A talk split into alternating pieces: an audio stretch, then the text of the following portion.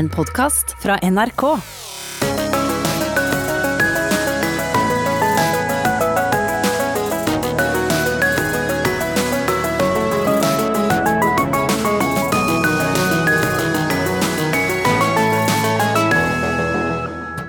Han har vunnet medalje i alle sommer-OL de siste 20 åra.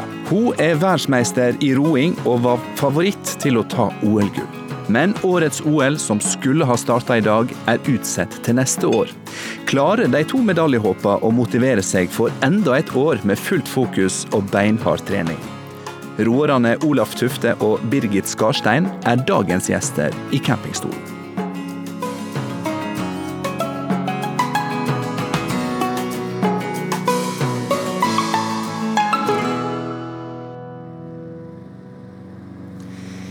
I dag kunne vi jo ha bytta ut campingstolen med Fjøskrakken, for i dag er vi på Tufte gård ved Nykirke utenfor Horten. Her bor roeren Olaf Tufte og familien. Og jeg så at denne gården er 350 år gammel, Olaf. Og da har den eksistert omtrent like lenge som du har representert Norge i olympiske mesterskap? Ja, jeg husker eh, at rett etter jeg begynte å ro, så ble liksom Tuftegård etablert her. eh. Ja, Poenget er jo ikke at denne gården er veldig gammel, poenget er at du har vært med i OL oppsiktsvekkende lenge. Litt for lenge, kanskje. Første gang Atlanta 1996, Stemmer det. og så kunne det ha blitt siste gang i Tokyo 2020. Ja, det var vel egentlig det overordna målet. Å kvittere ut. Ja, hva ville du kvittere ut? Eh, Jeg ville kvittere ut en eh, solid prestasjon sammen med mannskapet i dobbeltfirer. Med to streker under vel forberedt, godt utført. Norsk roing er i trygge hender på vei videre til nye olympiske oppgaver. Ja, I dag skulle jo eh, du ha vært i Tokyo, Japan. Og jeg hadde sikkert sittet hjemme og sett på TV i stedet for å lage radio. Eh, For OL skulle som sagt ha starta i dag om ikke koronapandemien hadde ført til utsetting. Hvis du hadde vært i Tokyo i dag, eller hvis du drar til Tokyo neste år, så blir du historisk Olaf Tufte. Fordi du blir den eneste norske utøveren som har uh, vært med i sju OL. Er det et selvstendig poeng for deg? Nei. Du er historisk nok allerede, tenker du? Jeg er ikke så veldig opptatt av eh, å være historisk. Jeg er opptatt av å prestere med det jeg holder på med her og nå. Og så kan jeg heller sette meg tilbake i en eller annen gyngestol eller, eller noe sånt nå når jeg blir gammel og tenker på hva jeg har vært med på. Men som utøver så er stort sett det du sikter etter, det er eh, den neste prestasjonen. Apropos prestasjon, Birgit Skarstein. hvordan skal vi skildre en idrettsutøver som Olaf Tufte, som har eh, kvalifisert seg til sju olympiske mesterskap? Det er veldig vanskelig å finne ord for den prestasjonen det er. Jeg tror at eh, en klarer ikke å sette seg inn i hva det krever å gjøre det Olaf har gjort. Altså Det er rett og slett ganske ufattelig eh, hva som ligger bak. Fordi at eh, for hver OL-deltakelse så snakker vi jo eh, flere år med arbeid hver eneste dag. Eh, Og det er ikke bare det å gå på trening to ganger om dagen, og så er det greit, men hele livet legges jo opp rundt å skulle prestere. Um, Så det han har gjort, det er det, Jeg tror det beste ordet um, jeg kan komme på, er ufattelig. Jeg har veldig stor respekt for det han har klart å få til. Um, og, og den dedikasjonen og innsatsen han har lagt ned over en mannsalder, altså. Det, det, er, det er vanskelig å beskrive for folk hva det, hva det er å innebære. Det er bare utrolig imponerende. Forstår du det hvis han eh, sier at vet du hva, jeg tror ikke jeg gidder å holde på med dette et år til, jeg tror jeg dropper Tokyo 2021? Jeg skjønner veldig godt at den måten å leve og jobbe på for å prestere på det nivået som det Olaf eh, gjør og legger opp til, det krever veldig mye, ikke bare av et enkeltmenneske, men det krever mye av omgivelsene rundt også. Sånn at jeg har stor forståelse for at det er, det er en kabal som må gå opp for å, for å få det til.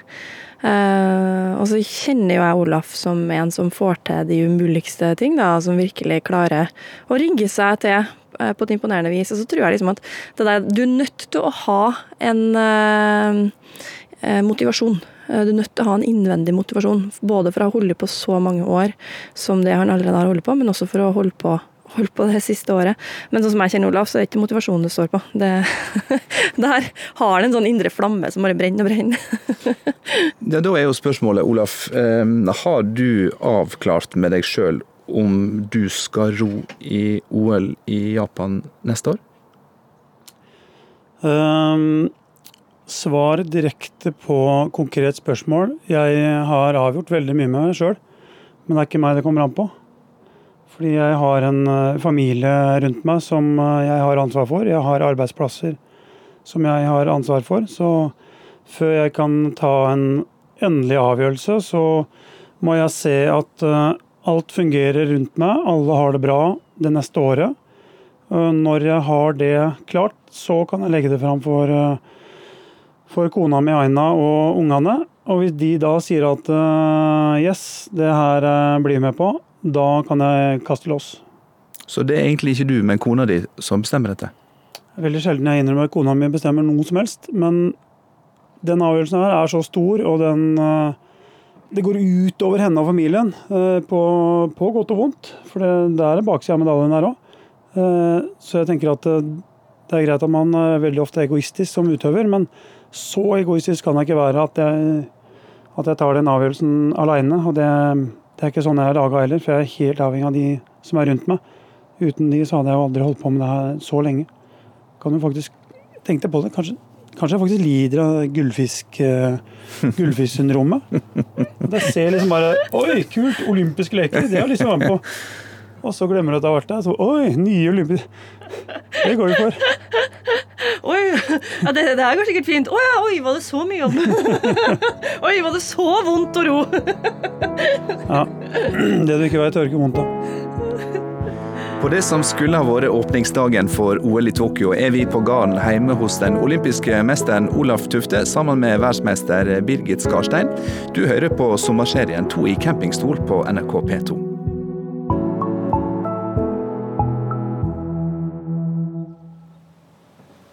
Birgit, det er jo ikke bare OL som er utsatt, det er også Paralympics, der du skulle delta. Og du var favoritt til å eh, sikre deg ditt første OL-gullet eh, i roing. Er det bittert at dette ikke skjer i år?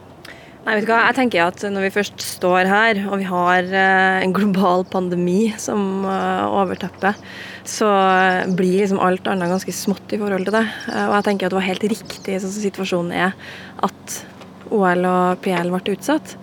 Og så um, var jo altså er jo i god form, og hele laget egentlig har jo vært i veldig godt slag. Så det er jo kanskje litt kjedelig for oss at ikke vi liksom har fått vist det og fått, fått ut det vi har jobba med. Men så tror jeg ikke, vet du hva eh, For all den tid vi kan bare trene et år til, så gjør vi det. Og jeg er helt trygg på at vi trener så bra, både som gruppe og hver for oss, at eh, vi, vi kommer ikke å tape og ha et eh, år ekstra med trening i banken. Eh, Men jeg, jeg håper jo at, eh, at vi klarer å gjennomføre det neste år. Det, det, det, det gjør jeg virkelig. Du er jo ikke bare regjerende verdensmester i roing, du har også fire VM-medaljer eh, fra skisporten. Og så hadde du nå trappa ned på stakinga for å prioritere roinga. Hvordan er det da å motivere seg til enda et år med det enormt strenge fokuset og den harde treninga som ligger bak? Du sa jo nettopp eh, at ingen vet hva Olaf har lagt ned. Du har lagt ned mye sjøl. Og dette må du nå holde på med et år til. Ja, altså Jeg to- stortrives jo i denne bobla, da. Jeg syns jo det er utrolig takknemlig å få lov til å jobbe så helhetlig med én ting. eh, Og bli, og bli god eh, til det jeg holder på med, og, og få lov til å gjøre det på et ganske ekstremt nivå. Det syns jeg er kjempespennende. Eh, Og tri, jeg trives veldig godt i, i det miljøet. Jeg trives veldig godt med det vi holder på med, og har det egentlig har det veldig bra med det. Um, mm. Og så har du i dag eh, kjøpt deg en ny romaskin av eh, din gode venn og kollega Olaf Tufte, fordi du skal for sikkerhets skyld ha ei romaskin hjemme, og så skal du ha ei på hytta, og så har du ei på Olympiatoppen. Ja, eller nei, det vil si, jeg har faktisk en eh, rommaskin hjemme i stua. og så har jeg en rommaskin på hytta, ja. Og så skal jeg, vi skal ha en liten vekka med sånn alternativ trening, og da skal jeg hjem til Trøndelag en tur. Så da skal jeg selvfølgelig ha med meg en romaskin. Uh, først til Romsdalen for å padle skal jeg ha med en romaskin dit som jeg kan ro i på ettermiddagen. og så skal jeg ha med den maskina videre til Trøndelag, så at jeg kan ha en stående i barndomshjemmet mitt. Sånn at når jeg er hjemme om sånn en da, på endagstur eller to todagersturer, så har jeg en romaskin lett tilgjengelig.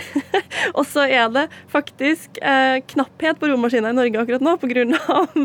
koronakrisa. Så jeg trodde at jeg lett skulle få bestilt meg en ny maskin til å ha i stua hjemme. Og så viste det seg plutselig at det var jo venteliste. Men Olaf visste råd. Han hadde ekstra romaskiner stående. Så nå får jeg med meg en romaskin hjem i bilen i dag. Olaf, du har holdt på eh, i dette gamet veldig lenge. Og nå er du straks midt i 40-åra, og du har en formidabel karriere. Og du har medaljer i alle valører fra OL. Tenker ikke du òg at det hadde vært greit å gi seg nå? Eh, hvis du drar til Tokyo neste år, eh, kan du bli utsatt for ei 40-årskrise som gjør at du ikke kommer deg på pallen? Er ikke det litt eh, demotiverende å tenke på? Nei, det tenker jeg veldig lite på. Um, mitt fokus handler om å være best mulig forberedt. Og så er det sånn at nå, nå har jeg gått veldig mange steg. Jeg begynte rokarrieren med fire mann i båten. Eh, og så var vi to, og så var jeg aleine noen ganger. Og så var jeg tilbake i dobbel, og nå er vi fire. Og jeg ser på det som en kjempeutfordring å, å, å klare å holde, holde en dobbeltfirer på så høyt nivå og få med meg tre unge, spreke karer til å komme seg til sitt første OL og prestere bedre enn noensinne. Det er på meg det er en kjempeutfordring. Både det med uh, å skulle tilpasse meg uh, å være en del av et lag. Jeg vært mange år aleine. Og jeg, jeg, tar jo plass, det må jeg jo innrømme sjøl. Eh, men jeg er ikke så opptatt av hvilken båt jeg sitter i. Så lenge båten går bra, så er det en helt enorm følelse å sitte og kjenne på at eh, yes, nå går det. Nå går det bra. Eh, og da er mitt ultimate mål det er å ha en fantastisk prestasjon med de tre andre kara i Tokyo. Det er mitt det er min eh, lille våte drøm, eh, rett og slett.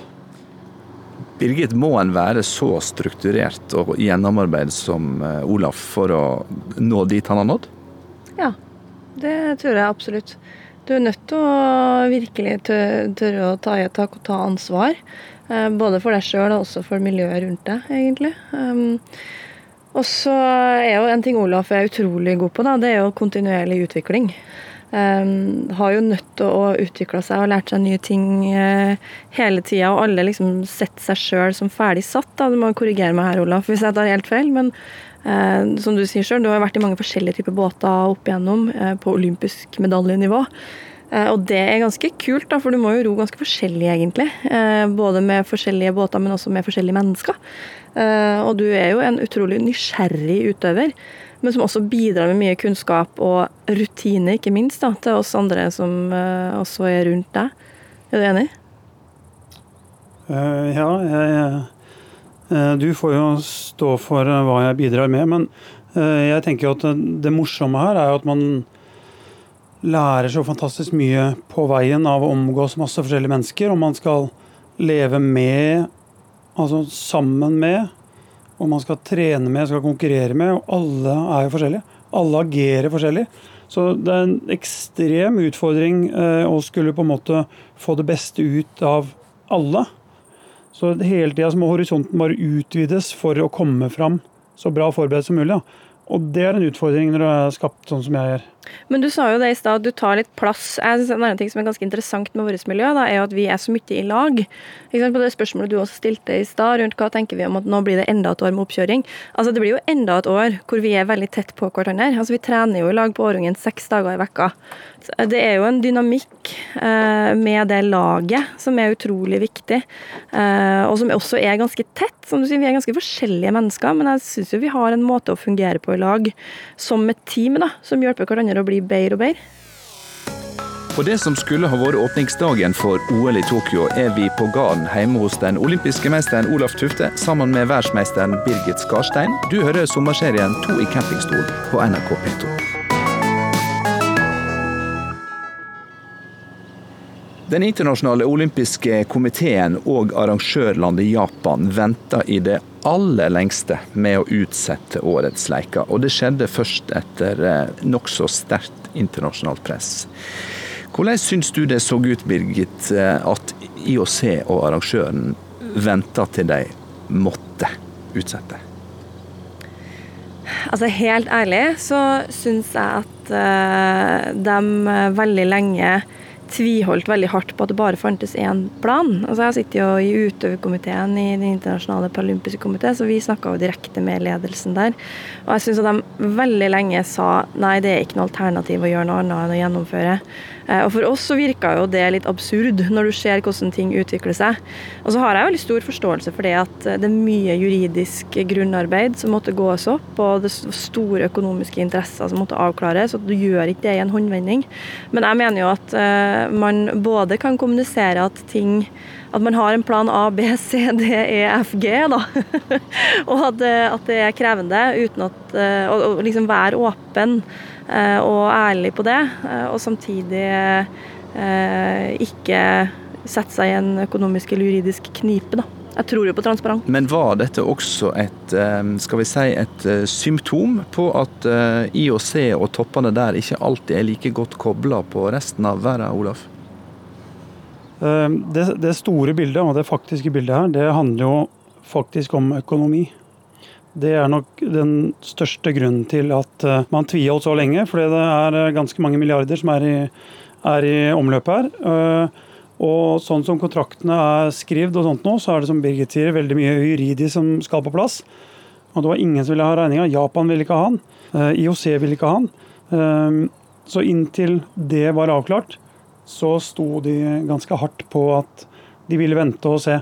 Og det skjønner jeg at det kan se veldig rart ut. Men hvis man har litt mer innblikk i papir og oppsett, så kan man skjønne hvorfor ingen ville gå ut og si at det, det blir sånn, for da faller plutselig veldig mye i fanget på nestemann. Men det var flere store, i hver sammenheng store arrangement som ble utsatt før IOC og Japan tok avgjørelsen. Her hjemme så sa lederskapet i Idrettsforbundet at hvis ikke OL blir utsatt, så vil ikke vi likevel sende utøvere til Japan. Ja, og det vil ikke Olaf eh, svare på, for han, han sa at eh, hvis OL blir utsatt, så legger jeg opp på dagen. Men hvordan hadde det sett ut, Birgit, hvis Norge hadde sagt, eh, hadde boikotta OL? da? Altså, Jeg tror jo på at det er smarte folk som kan mye mer enn meg om, om både utviklinga av den pandemien, og også hvordan man aller best kan, kan stå for god helse i det. Derfor så syns jeg det er liksom krevende å si at uh, jeg ikke kan være med hvis, hvis, ting ikke blir på den ene eller andre måten, så lenge fagfolk sier noe annet. For du ble spurt før dette var avklart om du mente at OL burde utsettes eller ikke, og det hadde ikke du så lyst til å svare på? Nei, det jeg svarte var jo at jeg er jo ikke den beste til å ta det ta den avgjørelsen. Jeg kan ikke noe om det. Den, de som kan noe om det her, det er jo WHO, som IOC jobber tett med. Eh, det er fagfolk som kan se på hva er forsvarlig og riktig. Så jeg, bare for at jeg er utøver og skal ro, og er kvalifisert til å ro, så er ikke jeg kvalifisert til å si noen ting om hvordan vi skal forholde oss til en pandemi. Um, og, og, jeg tenker jo at hvis de sier at det er forsvarlig, uh, så, så stoler jeg på det, mer enn mine egne vurderinger, fordi de sitter på mye mer informasjon og har mye mer kompetanse og kunnskap eh, rundt det. Eh, og, de ser jo på liksom smittevern og smitteforebygging i stor skala, eh, og det, vil nok kunne gjøres ganske mange justeringer på arrangementet.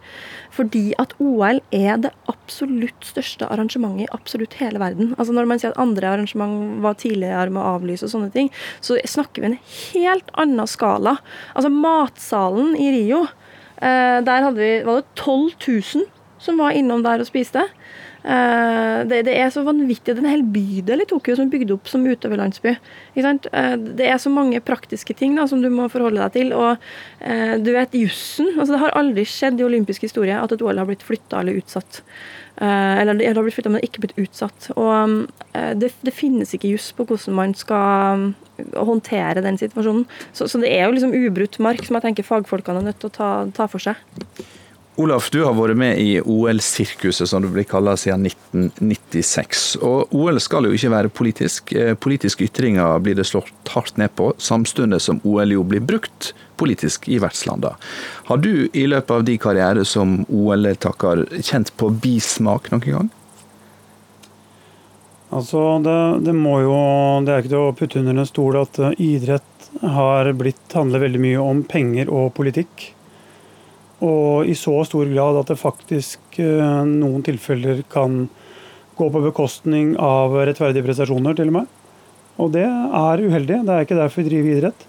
Uh, men idet det kommer mye penger uh, på bordet, fordi det koster mye penger å arrangere, og det er rift om å kunne vise seg fram i verdens største idrettsorganisasjon og, og største forum, så så er det Penger er trøbbel uansett.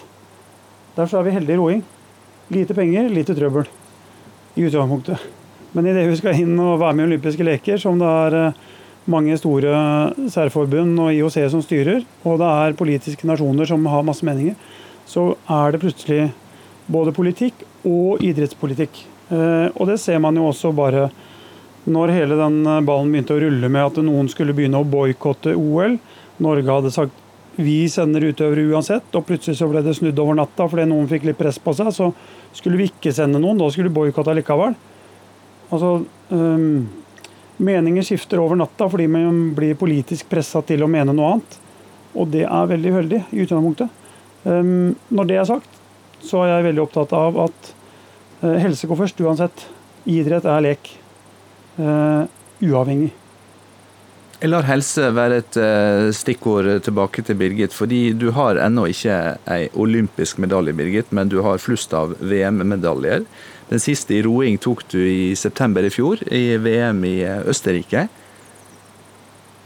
Attpåtil i blinde. ja. Hvordan går det an? Hva var det som skjedde der? Altså, det kan jo skje uh, at en mister en sans eller to når en presser systemet veldig, veldig hardt. Eh, og det som skjedde med meg der, var vel egentlig bare det at jeg pressa systemet såpass hardt at til slutt så gikk det bare i svart. Men vi ror jo bare rett fram, og jeg vet jo hvordan jeg skal ro rett fram. Så det var jo bare å fortsette å dra til jeg kom over mål, egentlig. Um, men, men, var det sånn at du, at du, faktisk ikke hadde syn? Nei, det var helt svart, ja. ja og du rodde på?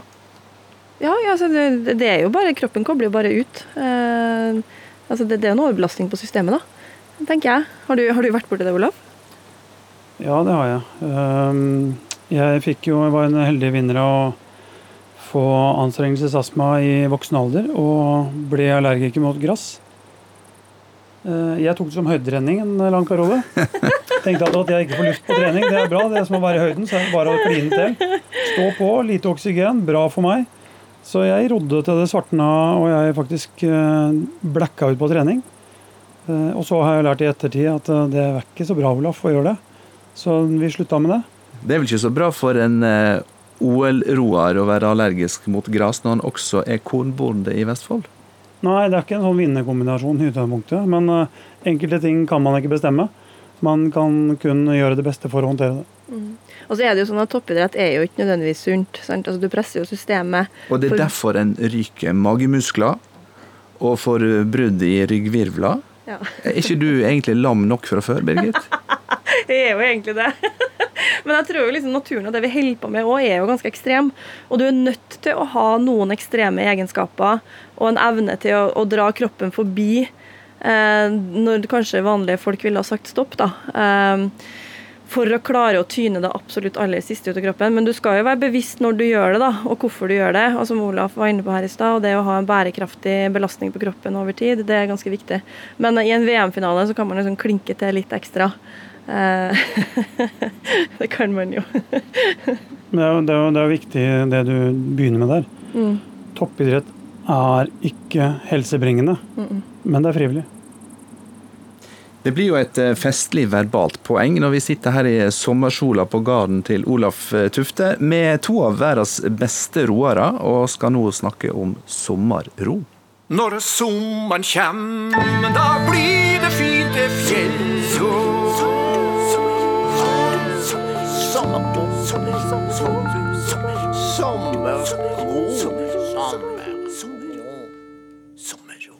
Hei, campingstolen. Det her er Henning Sommerro. Jeg lurer på hvordan du finner sommerroen. Sommerro for meg, det er å kunne stå opp uten vekkerklokke, koke meg en kopp kaffe og gå og sette meg på uteplassen i morgensola og lukte at kornet begynner å nærme seg modent. Høre fuglene som spiser opp morellene mine. Og kunne senke skuldrene i hvert fall ti minutter. Det er sommerro. Og så høre at det begynner å livne til med familien som eh, våkner, og barneføtter som eh, tusler over gulvet. Det er eh, ikke bare sommerro, men det er faktisk sjelefred for meg. Takk skal du ha, Olaf, for at du eh, inviterte oss eh, hit til gården din eh, i Vestfold. Takk til Birgit som kom fra Oslo for å møte oss. Neste gang når jeg inviterer dere tilbake, så vil jeg høre hva som gir deg sommerro, Birgit. Og så vil jeg om ei ukes tid spørre dere hvorfor funksjonshemma i Norge er en minoritet som samfunnet ikke lytter til. Til da så tar Lars-Erik Erskå ringen og jeg, Håkon Haugsbø, med oss campingstolene videre på vår ferd på jakt etter nye, spennende gjester. Takk for oss.